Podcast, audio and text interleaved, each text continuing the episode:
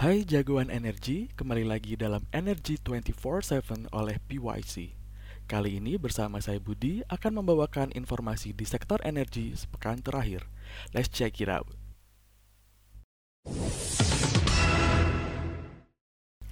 Berita yang pertama dari komoditas energi.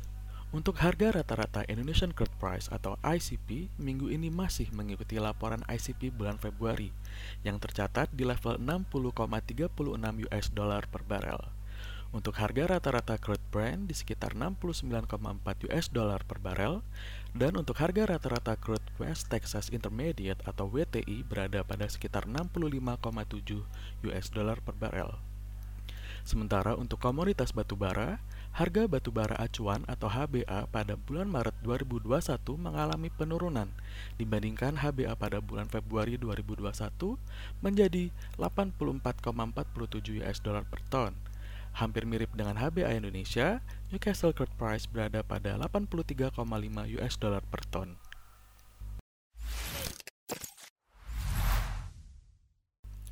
Berita selanjutnya dari sektor migas. Kontrak pembangunan Jargas 2021 tahap 1 senilai 467,79 miliar rupiah resmi diteken. Berita diambil dari Kontan pada 11 Maret 2021.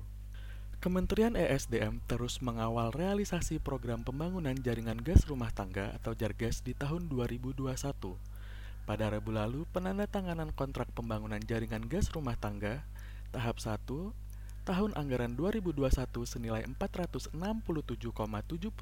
miliar rupiah resmi dilakukan di Gedung Ibnu Sutowo. Kontrak pembangunan Jargas yang ditandatangani pada tahap 1 berjumlah 5 paket dengan jumlah sambungan rumah sebanyak 60.875 sambungan rumah. Jumlah tersebut setara dengan 50% dari total sambungan rumah yang dibangun pada tahun 2021 tersebar di 21 kabupaten dan kota yaitu sebanyak 120.776 sambungan rumah. Menurut Direktur Jenderal Minyak dan Gas Bumi, Tutuka Aji, pembangunan Jargas merupakan salah satu program strategis nasional yang mendukung diversifikasi energi. Program ini dilakukan dalam rangka mengoptimalkan pemanfaatan potensi gas bumi melalui pipa untuk sektor rumah tangga dengan menggunakan dana APBN.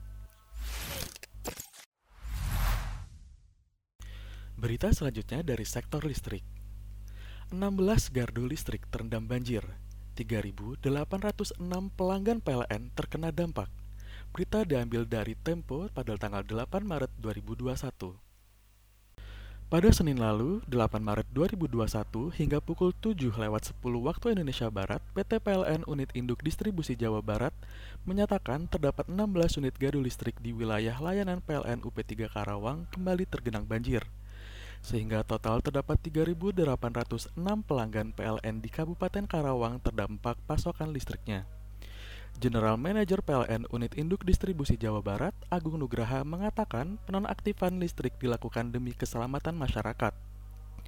Agung juga mengatakan sebanyak 3.799 personil listrik PLN disiagakan untuk mengamankan sistem kelistrikan yang terdampak banjir akibat hujan yang terus mengguyur sejumlah wilayah di Karawang di antaranya Perumahan Bumi Indah Kampung Kasurupan.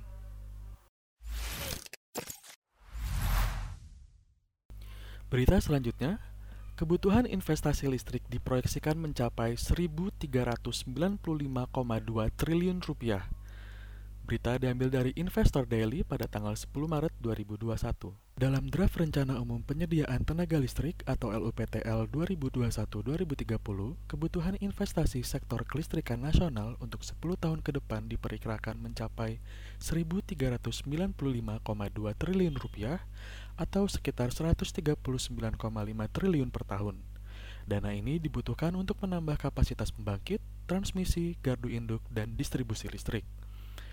Penambahan kapasitas pembangkit yang direncanakan untuk 2021 hingga 2030 yakni sebesar 40.904 MW, kemudian tambahan jaringan transmisi sebesar 46.145 km sirkuit, dan gardu induk sebesar 124.341 MV ampere. Sementara penambahan pelanggan baru sebanyak 25,8 juta pelanggan. Direktur Eksekutif Institute for Essential Services Reform atau ISR, Febu Tumiwa menilai kebutuhan investasi sebesar itu akan membebani keuangan PLN.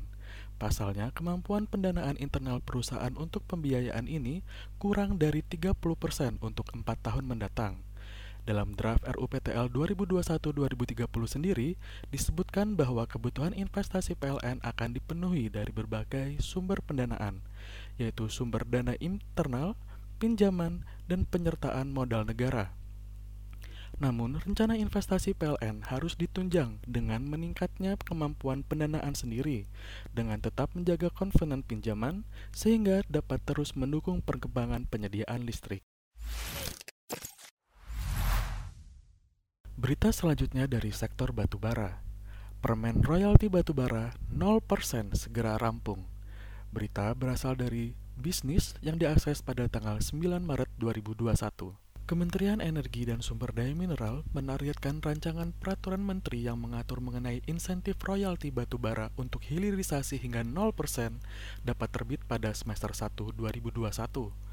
Direktur Pembinaan dan Pengusahaan Batubara Kementerian ESDM, Sujat Miko, berharap dalam semester 1 atau pertengahan semester 2 2021 permen sudah bisa selesai. Menurut Sujat Miko, program penghiliran yang mendapat insentif tersebut merupakan program penghiliran yang memiliki nilai investasi yang signifikan, serta menghasilkan produk yang dapat mendukung kemandirian energi dan pemenuhan bahan baku industri dalam negeri, kemudian juga merupakan proyek strategis nasional.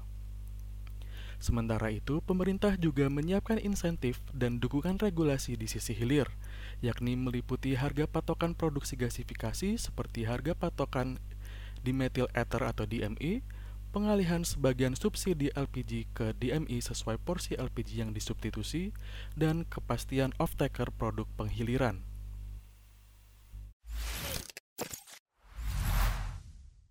Sekian Energy 24/7 untuk minggu ini. Jangan lupa subscribe seluruh account sosial media PYC. Have a nice weekend and see you next week.